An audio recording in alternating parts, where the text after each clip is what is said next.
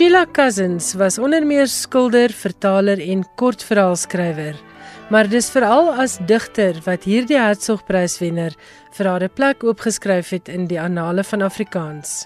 Vanaand in skrywers en boeke kan jy luister hoe sy self oor haar werk praat en ook enkele gedigte voorlees. Die opnames kom uit ons argiewe en was aanvullende opnames wat gemaak is tydens die maak van 'n dokumentêre TV-program oor Cousins se lewe. Baie dankie aan Hulet Pretorius wat my laat weet het van die bestaan van hierdie onderhoud. Sy het geskryf dat sy in 1984 gevra is om 'n 6 minuut lange insetsel te gaan maak vir televisie oor hierdie onderhoud wat Amanda Botha met Sheila Cousins gevoer het. Dit is by die Mount Nelson gevoer en was die eerste en besmoontlik ook die laaste onderhoud wat Cousins toegestaan het nadat sy in 1982 na Suid-Afrika teruggekeer het. Hilet het vertel dat die gesprek egter so interessant was dat sy opdrag gekry het om aan te hou opneem. Die resultaat was byna 2 ure se ongeredigeerde beeldmateriaal wat sy later op band gesit het en aan die SABC klankargiewe geskenk het. En ek het hierna gaan luister en die grepe in finansie program kom alles uit daardie klankopnames. Ek hoop jy geniet die program.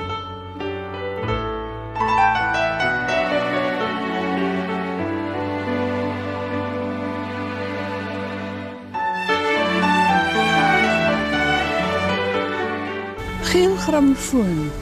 Hallo Affedil. Body geel uitroep. Woer woer.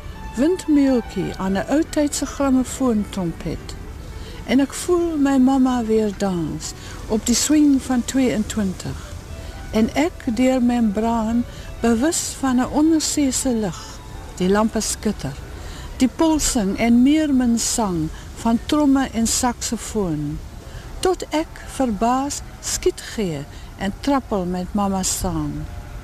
Jy's mooi afdal uit die donker grond, die stil, koue, donker grond. Hallo, goodbye, geel grammofoon.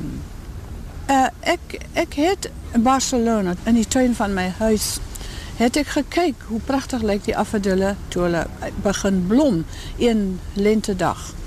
En dit het my die inspirasie gegee En een rukkie daarna het ek gaan sit en ek het toe begin skryf Hallo Affadil Borgeel en toe steek ek 'n bietjie vas en toe uh, wel toe kry ek ten minste ek het gesê Hallo Affadil Borgeel uitroep.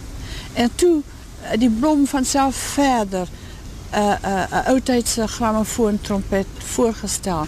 En ek ek het my 'n voorgeboortelike herinnering voorgestel. Ek ek, ek weet natuurlik glad nie of ek ooit so iets gehad het nie. Maar die 'n gedig is 'n is 'n baie vreemde ding. Jy kan nie altyd hy neem die loop, jy weet met jou en jy volg maar. En gevolglik het ek gevolg en daar kom toe op die beeld van my ma wat wat verwagtend was, maar sy dans want hulle het baie gedans voor ek gebore was. En die musiek wat natuurlik toegewild was in daai tyd was hierdie vroeë jazz en die swing, jy weet. En en uh uh wel en nou stel ek my voor dat ek Want ek het ergens gelees dat 'n ongebore kind kan uh dinge waarneem. Hy sien lig byvoorbeeld deur die buik van die moeder. En daarom sê ek dat ek deur membraan uh, bewus van 'n onderseese lig, want die lampe het geskitter. Jy sien maar vir my sal dit gedempte lig wees wat ek sou waargeneem het in die baarmoeder.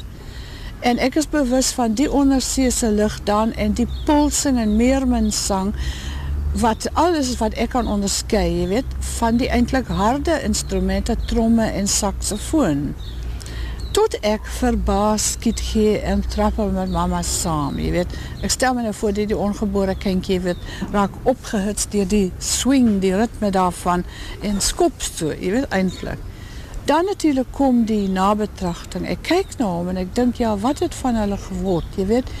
Ik ben al die jeugdige jolijt, je weet, van, daar, van mijn ma en nou en die daar. En toen ik die gedicht geschreven, het was al oorleden.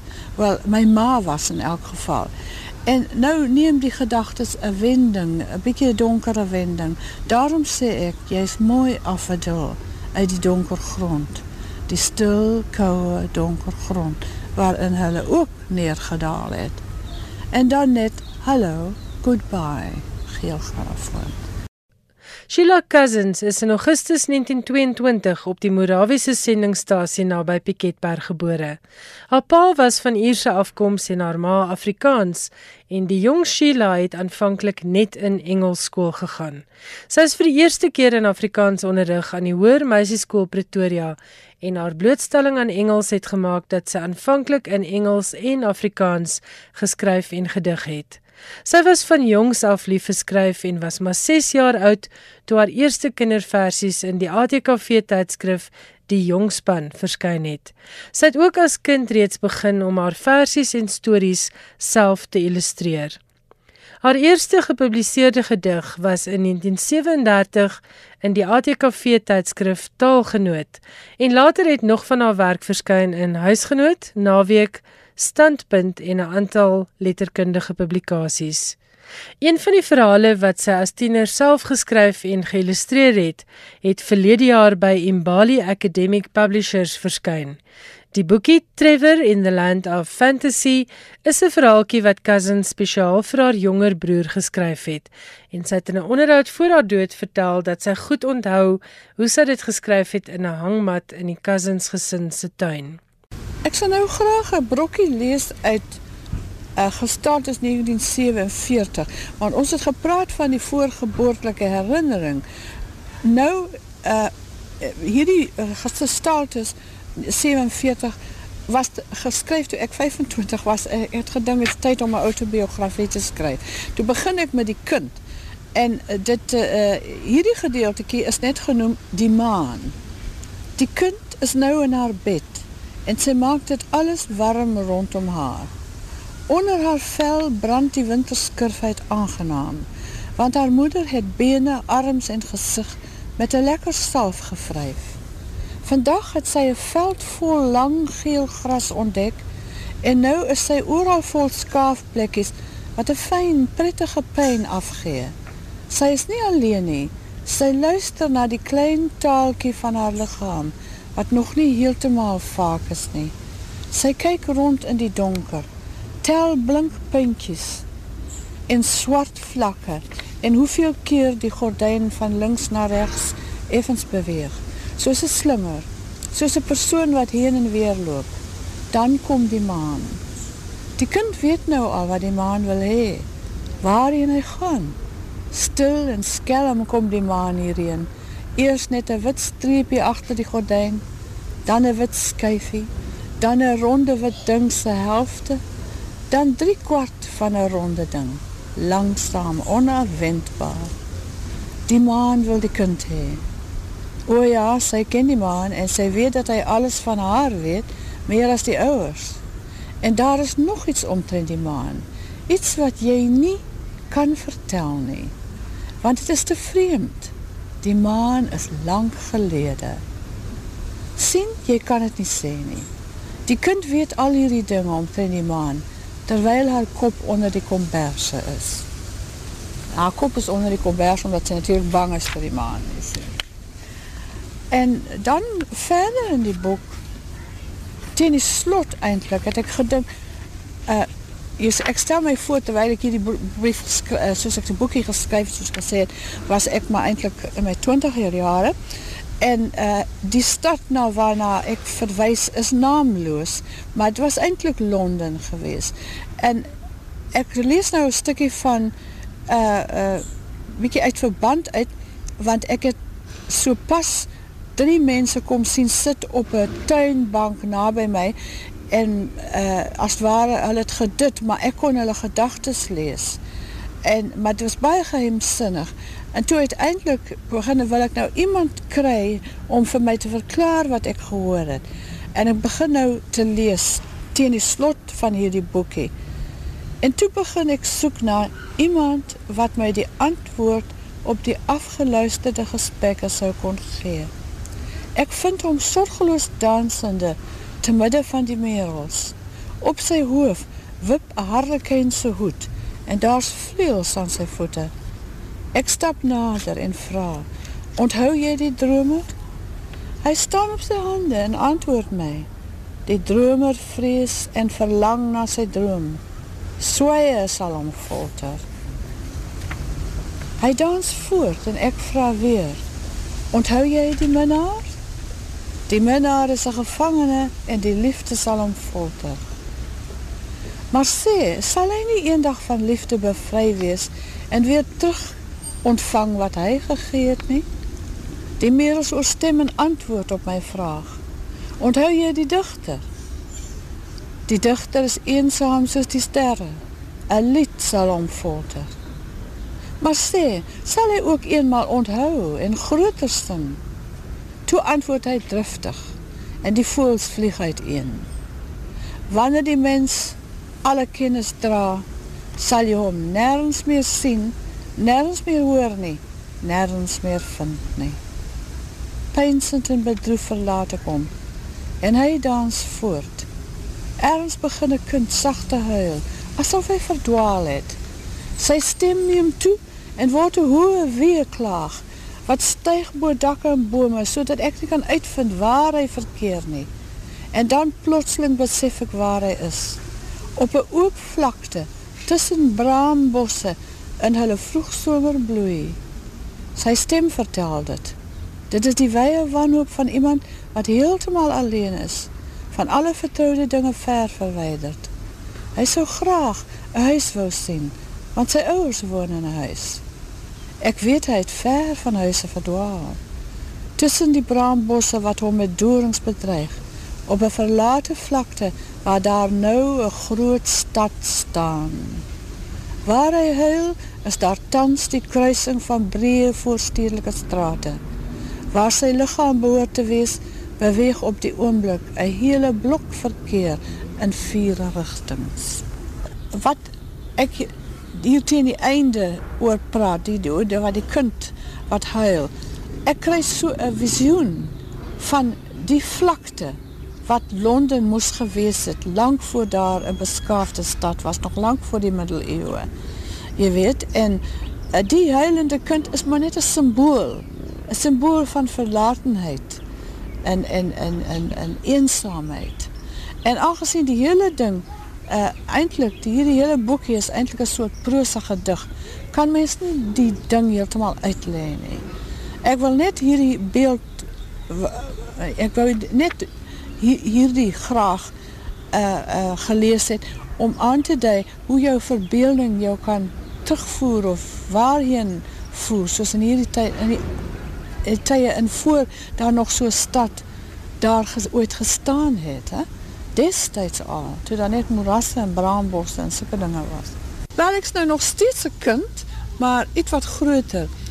Ons het dikwels gaan kuier op Middelburg in Transvaal, waar een tante van my een heerlijke huis gehad met so groot stoep, baie groot werf ook, en aan die onderend van hierdie werf was daar een varkhok uh, jy met een laning uh, cypressbome afgestap en dan kom jy daar onder uit en uh, dit is ook waar uh, my oom dikwels sy teleskoop opgerig het om saans na die hemel uh, uh, ruim te, te, te kyk en sovoort. Maar in elk geval, die varkok het my geweldig bekoor. Nou, dit is somer en die, die kind, ek weet nou nie hoe oud sy sou gewees het, nie sê maar seker so 8 jaar of so iets. En die gedigse naam is Die Werf. Ek lees dit nou. Die varkhok het nie gestink nie. Hy het heerlik kras suur vrot gereik. En die gulsige snoete in draf en karkoere en onnoemlike modder was die wonderlikste, mees uitdagende slechte maniere denkbaar. Ek was lief vir die varkhok, ver verweiderd aan die onderend van die werf, achter een presse, en het graag op sy muur gesit om die woeste reuk in te snuif en my te verwonder aan dieren so skaamteloos vraatzichtig wat selfs met hulle neesgate vreed en hulle lelike zwaar gezichte met die dom wit bewimperde oogies was soos iets uit Grim of Andersen. Ja, nee, die varke was iemande, soos prinse dier krom ou hekse vermom. of Circe se swyn matrose. Byna blind van son het ek oor hulle gedroom. Tot modder mals, so sterk en machtig soet, deur my jong are, die magiese betovering van al my jeugse somers getrek het. Terug in die huis, liewe vader, mens kan dit nie hou nie, het oma vroom oor die hitte gekla. En helbaar is warm, onomwonde van my evens meer wereldse maan. Hoe sou hulle verstaan dat die bloedige dag en die varkhok vir my een hemel was, een sprookie sonder weerga. Ook die verloore paradijs was net buiten die huis. Een groot ou pruimboom met sondige vruchte wat net soos ons uit die hoogte geval het. En as die een optel, kon jy betijds nog sien hoe die kwaad weer haastig terugkryp in die gekoeste weefsels in. O verloore werf, ek kon die hele oud testament in jou vind, en die Griekse legendes en andersen. Ons het baie rondgetrek vanweer die aard van my pa eh, se, se werk. Ons het kruis en dwars oor die land getrek en ek het in baie uh, groot dorpe en stede groot geword, maar ek het altyd kinders benei wat op 'n plaas kon groot word. Ek wou ook so graag plaaskind gewees het. Maar ek dink dit is natuurlik. Jy weet jy, jou jou kinderherinneringe, jy weet op op 'n dag skielik onthou jy iets uit die verlede. En dit word 'n gedig. Ek weet daar ek het een gedig geskrywe omtrent 'n treinreis, ook 'n vakansie waar ek praat van die plakate wat mens destyds nog op die stasies gesien het.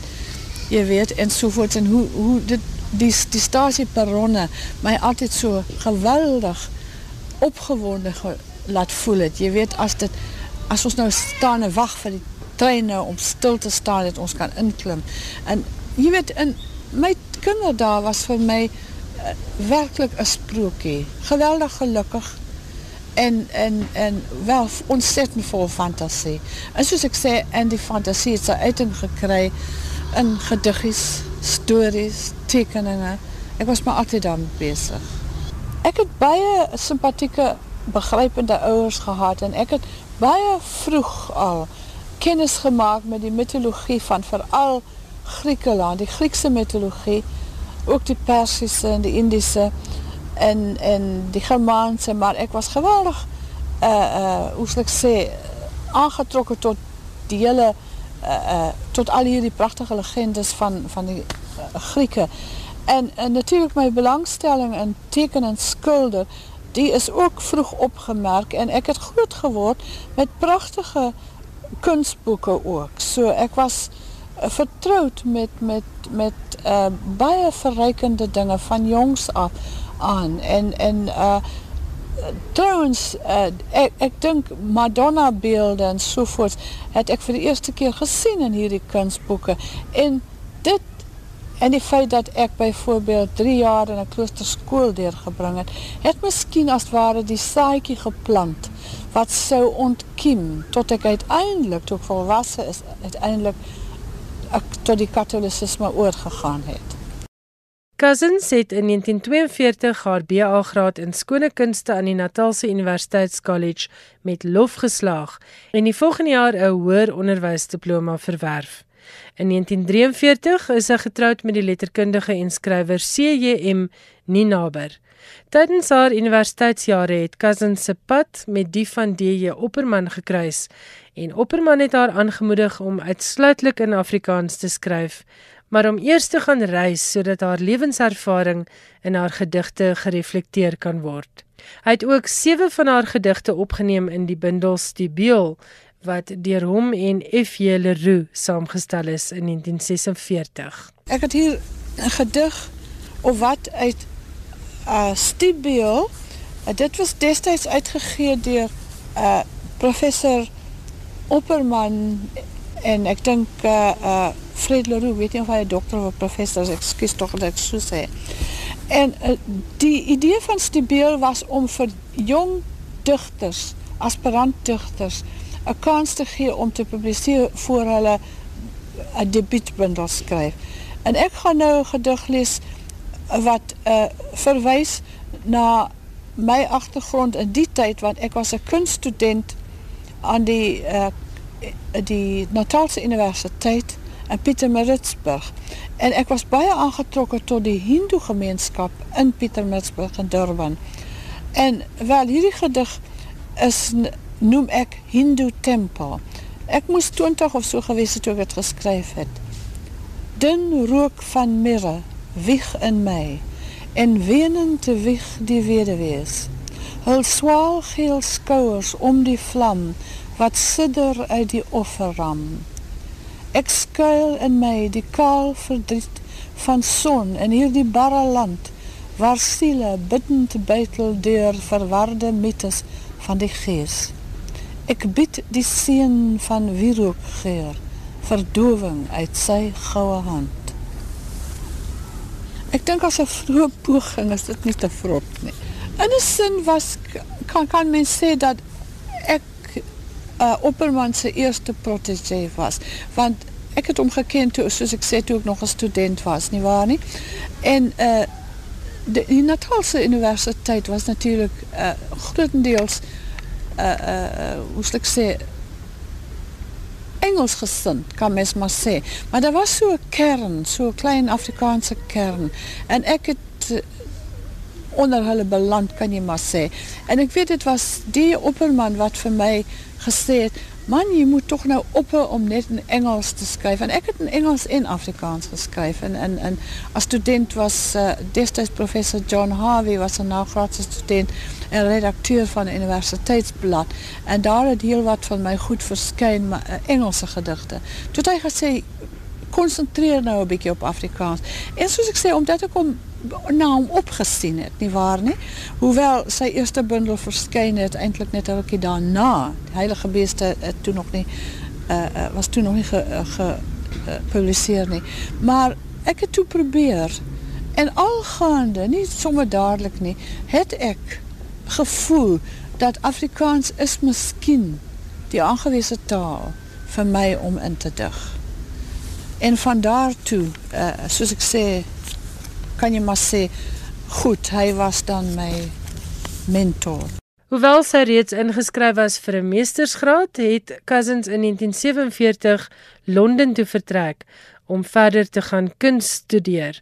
Hier in Londen het sy bydraes vir die Burger en ook vir die BBC gelewer en tussendeur Afrikaanse klasse vir Engelse emigrante aangebied. Later is sy na Nederland toe waar sy verder in grafiese kuns studeer het. In hierdie tyd het sy ook van tyd tot tyd by Radio Nederland in Hilversum gewerk en veral gehelp met Afrikaanse programme. Sy het ook vir 'n kort rukkie by die Suid-Afrikaanse ambassade in Den Haag gewerk. In Nederland het haar pad gekruis met verskeie bekende Afrikaanse letterkundiges, onder andere TT Kloete, Merwe Skols, Elise Botha en Van Wyk Lou. En sy en Van Wyk Lou het jare lank 'n verhouding gehad terwyl albei nog getroud was. Dit was ook hier in Hilversum wat sy haar tweede man, die Spanjaard Juan de Saladigras, ontmoet het. Hy was verbonde aan die Spaanse diens van Radio Hilversum. In 1957 aanvaar Sheila Cousins die Rooms-Katolieke geloof en in 1965 trou sy met Juan nadat sy haar eerste huwelik in die oë van die kerk ongeldig laat verklaar het. Die paartjie vestig hulle in Estartit, 'n kusdorp in die provinsie Barcelona, waarvandaan hulle later jare na Katalonië verhuis het. In 1970 debuteer sy met die bundel Plektrum, waarin 'n paar van die temas in haar latere werk, soos die religieuse en die soeke na betekenis, reeds verken word. Ek dig vir hulle wat kom en kom hulle nie, dan dig ek. Dig ek alles weer golwend vry. Dig ek alles weer stromend terug tot in daardie onstuimigheid wat is voor Abraham was. In 1974 word Suid-Afrikaners geruk toe hulle lees dat Cousins ernstige brandwonde opgedoen het in hulle vakansiehuis in Estartit nadat 'n gasstoof ontplof het. Sy is eers 3 dae later deur haar seun gevind. Presies hoe ernstig haar beserings was, kan 'n mens maar net aflei as jy lees dat sy 2 jaar in die hospitaal deurgebring het waar tydens sy 'n reeks veloorplantings en amputasies ondergaan het. Sy het 3 vingers aan elke hand verloor en ook haar regterbeen wat bo die knie afgesit is. Hierna moes sy van voor af leer skryf en leer loop. Dit het haar egter nie gekeer om weer te skilder nie en na haar ongeluk het sy 10 digbundels gepubliseer in net meer as 10 jaar. In 'n latere koerant onderhoud het sy vertel dat die pynlike hersteltyd en die maande in die hospitaal 'n soort geboorte was wat haar gehelp het om ware vreugde te leer ken en waardeer. Orrel. My sintuie is verwisselbaar. Hoor kleure, beluister geure skarlaken trompetter. Peper is 'n pizzicato en bruin roffel. En somer, somer veral, trek deur die neus. Son is seepkook. Wololie van warm lug verras my, soos die sweet van krygers wanneer eie stoom in 'n pot. En iemand is daar, so fyn sensueel gesond, dat hy in slaap neute en lou melk is en wakker, gloeiende Augustus in een sonbeestie dennebos. En elke jaar getij kies sy sintuie uit. Winter is pure oor en mengele weer tot elk en elk die ander erken. En popelend van kreature verwikkeld contrapuntaal om die ronde jaar die groot Te Deum galm met al die registers oop. Al wat ek wil sê is dat vir 'n digter natuurlik is wat hy sintuiglik waarneem van groot belang. En dit is inderdaad so dat mense sintuie verwisselbaar is. Dit dit jy jy kan praat daarvan dat jy klanke uh, kleure hoor. Uh, dat jy geure uh, uh, uh, hoe sê ek kan beluister. Nadat sy en haar man vervreemd geraak het, het Sheila Cousins in 1982 in Kaapstad kom woon. Vanaf 1983 is sy dikwels genooi as gasspreker by die Universiteit van die Wes-Kaap en sy het ook opgetree as leier van DJ Opperman se letterkundige laboratorium aan die Universiteit van Stellenbosch. Ek woon baie naby die kompanjiestuine in Kaapstad en ek is dikwels in die tuine. Dit is vir my so 'n soort van verlengstuk van my woonruimte. En ek gaan nou twee gedigte lees wat eintlik uh, geïnspireer is deur uh, so sit en rond kyk in die kompanie tuine. Eerste een wat ek gaan lees is genoem Wonder. Uh, ek moet net hier sê, ek het daar gesit sonder 'n gedagte in my kop en dit was al amper tyd om terug te gaan want hulle sluit die hekke om 'n sekere uur in die middag in die vroeg aand ten minste. En ek sien toe, ek sit daar soos ek sê with blow all in my head en toe sien ek 'n kelnerinnetjie kom uit wat nou huis toe gaan, is 'n sekere trein haal of so iets. En sy huppel so verby en sy vang my aandag en ek kry die ingewing en ek soek iets om op te skryf en ek het niks nie behalwe 'n sigaretdoos hè. En toe het ek maar daar in die paar gedagtes neergeskryf huis toe gegaan onmiddellik as gelos en gaan sit en toe kom die hele res van die gedig. En toe het al wat oorgebly het was net 'n bietjie bewerk en afwerk. Dit is trouens die prosedure altyd in my geval die ding kom so dat ek alles moet los, hy kom amper hoeslik sê, soos a, a, a, dit is een soort diamond, dit pak jou beet, jy moet dit gauw neerkry, en maar dit wil nie sê dat alles wat ek skryf somme ingegee is nie, daarna kom eindelijk die werk eh, daaraan, soos ek sê, dit moet bewerk word, en dit moet afgewerk word. Wel, die eerste een noem ek wonder, sy is jong, sy is lenig, sy is lig soos een druppel, Sy is bruin, bykie lelik, klonterige trekke. Haar oe is donker, sommer net donker. Haar haare is ook maar sommer so. Sy vaar oor die grond op haar vinnige voetjes, so seker soos enige ballerina. Sy boei my aandag totdat sy weg is. En ek wonder van vooraf oor hierdie wereld. Die meng meng wees wat ek nie kan ontfrons nie, waarin ek thuis ongedurig onthuis is en geen alternatief wat ek kan bedink nie. En weg moet ek ook nou, al wil ek nie juist nie. Haas my skaars siende, die hekke gaan sluit. Snaaks hoe makkelijk mens leer aanvaar. En sien nou glad niks nie van weer een woord. As ek aanvaar, onthou ek iets beters en dan verbaas die wonder oor beter. Is dit nie die einste beter dalk self nie en wrevel net prikkel op dat ek kan wonder. O so so meisie, lig soos 'n druppel, dan was jy 'n engel die hele tyd. Die tweede een uh, is ook 'n tuin indruk ek noem dit eekhoring. Asof hy kook verspiere het, golf hy boom op, stol elektries, skrik plet hom, plat gesprei teen die bas, tussen sy behoedsame oogies en rilling op rilling sidderende pluimstert. Loer, bespiete vallende akker, stroom val teen die vaal stam af, bondel hom bolliekie en met heeltemal handjies ontdop hy sy fonds, gejaag en knabbel dit op, skoon stuip bevange van angst en genot.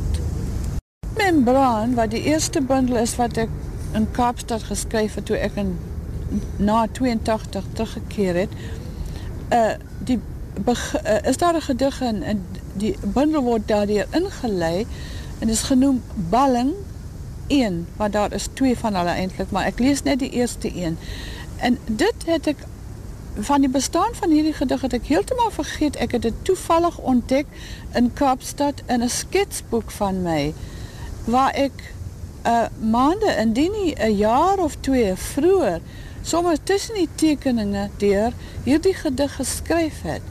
En toe het ek besluit dit is 'n goeie gedig om die eerste Suid-Afrikaans uh, uh, ontstaande bundel meer in te lei. Want het was amper een soort weer een, een, een intuïtie wat ek klaarblijkelijk gehad het en toe van vergeet het. Ek vergelijk die komst van die Spaanse somer uh, uh, met die, die, die teenoorgestelde seisoen in Suid-Afrika, so sal blyk uit die lees daarvan.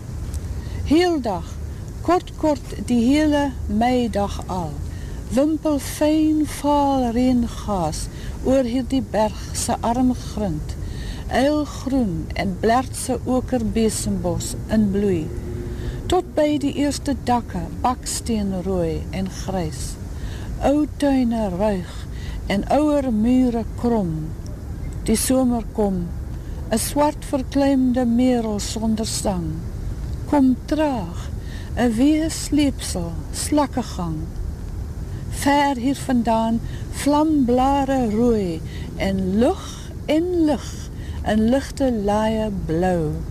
Daar blink die reën, blink kachelvure en blink die kleinste nietigheid wat ek onthou. Die somer kom, maar ek gaan winter toe. In 1985 het sy tydelik teruggekeer na Spanje, maar van 1986 tot met haar dood in 2004 het Sheila Cousins in Kaapstad gewoon. Die laaste 7 jaar van haar lewe is sy versorg in Nazareth House, 'n Katolieke inrigting in Kaapstad.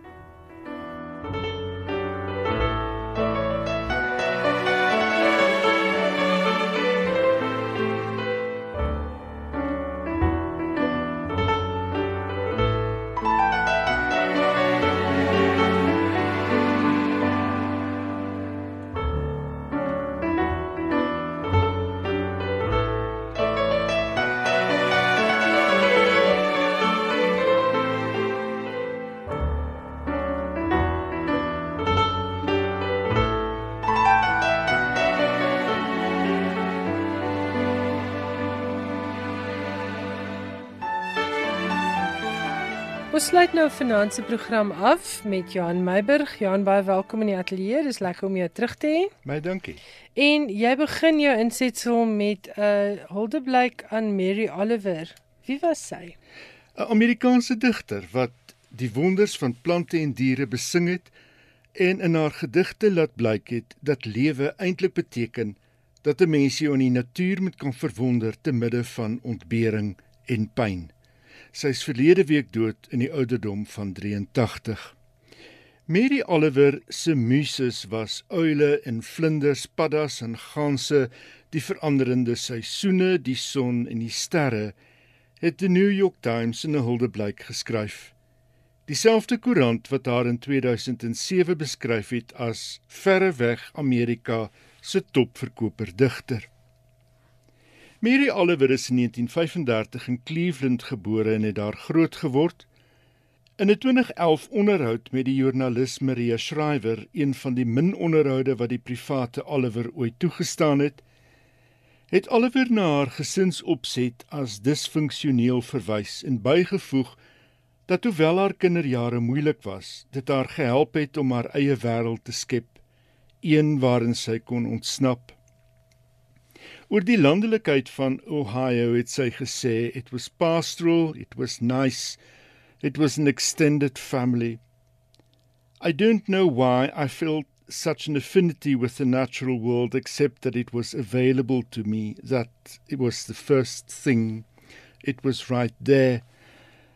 And for whatever reasons, I felt those first important connections those first experiences being made with the natural world rather than with the social world. Meer as Ohio was dit ook die omgewing van New England waar sy haar in die 1960s in Provincetown gaan vestig het wat neerslag gevind het in haar gedigte. Haar debuutbundel No Voyage and Other Poems het in 1963 verskyn. Dit was veral Walt Whitman en Henry David Thoreau se verse by wie sy aanklank gevind het. Ook die van Rumi, Ralph Waldo Emerson, Shelley en Keats. In die poesie van die romantiek het sy 'n manier van uitdrukking gevind wat tussen natuur en waarnemer geen onderskeid maak nie. Dit het veral uitdrukking gekry in American Primitive die bundel van 1984 waarvoor sy met die Pulitzerprys bekroon is. In 1992 het sy die National Book Award vir poësie verwerf met New and Selected Poems. Daar was kritici wat Oliver se verse as simplisties beskou het en ander wat gemeen het haar romantiese aannames omtrent natuur en vroue is problematies. In die onderhoud met Schrywer het Oliver die volgende gesê: I'm not very hopeful about the earth remaining as it was when I was a child. It's already greatly changed. But I think we lose the connection with the natural world. We tend to forget that we are animals, that we need the earth. If I have any lasting word, it will be because I've tried to make people remember what the earth is meant to look like. Hier lees Mary Oliver Wild Geese uit haar bundel Dreamwork van 1986. Wild Geese. You do not have to be good. You do not have to walk on your knees for a hundred miles through the desert repenting. You only have to let the soft animal of your body love what it loves. Tell me about despair, yours, and I will tell you mine. Meanwhile, the world goes on. Meanwhile, the sun and the clear pebbles of the rain are moving across the landscapes, over the prairies and the deep trees, the mountains and the rivers. Meanwhile, the wild geese, high in the clean blue air, are heading home again. Whoever you are, no matter how lonely, the world offers itself to your imagination, calls to you like the wild geese, harsh and exciting, over and over announcing your place in the family of things. Dit was die stem van Mary Oliver en sy het haar eie gedig Wild Geese voorgeles. Wat's volgende op jou lysie? Nog 'n Amerikaanse skrywer, Joyce Carol Oates, was die afgelope ruk in die nuus. Ouds ontvang in Mei by die openingsgeleentheid van die Jerusalemse Internasionale Skrywers Forum en ook die Internasionale Skrywersfees, die 2019 Jerusalem Letterkundeprys. Die prys wat elke 2 jaar toegekend word, het in 1963 tot stand gekom en die eerste wenner was Bertrand Russell. Na die Britse filosoof wat in 1950 ook die Nobelprys vir letterkunde verwerf het, het 'n lys van Jerusalem-pryswenners gevolg wat ook met die Nobelprys bekroon is.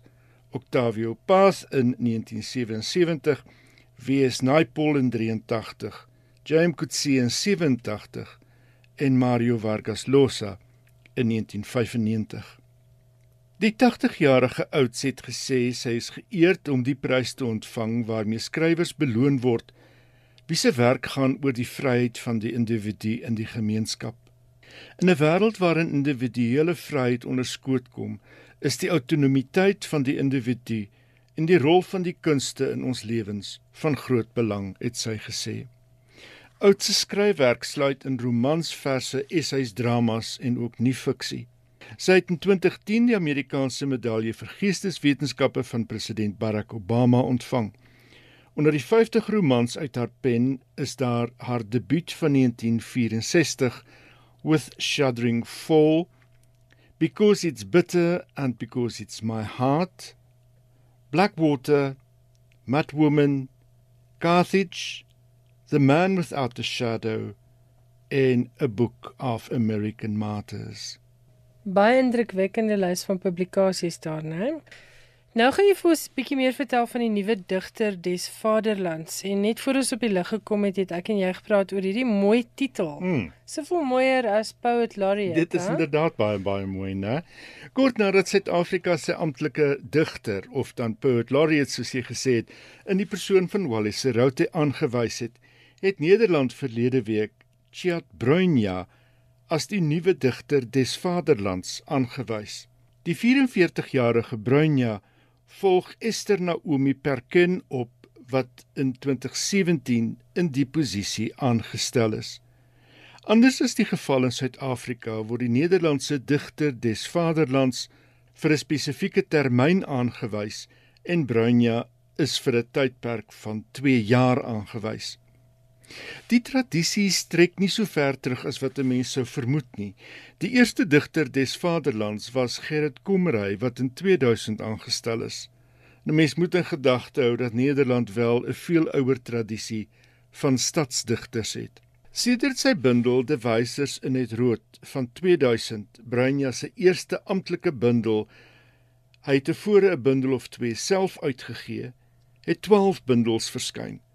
Die jongste heet Binnenwêreld buitewyk natuurlike omstandighede wat in 2015 verskyn het. Johan Meiburg se insetsel beteken ongelukkig altyd dat ons aan die einde gekom het van skrywers en boeke, maar baie dankie dat jy saam geluister het en volgende Woensdag gaan maak ons weer so. Onthou die e-posadres is skrywersенboeke@rsg.co.za. En ons sluit vanaand se skrywers en boeke af met nog 'n Sheila Cousins gedig wat getoon het is en gesing word deur Lorinda Hofmeyer. Hier is Lorinda met 'n klein dorpse fragment. Totsiens.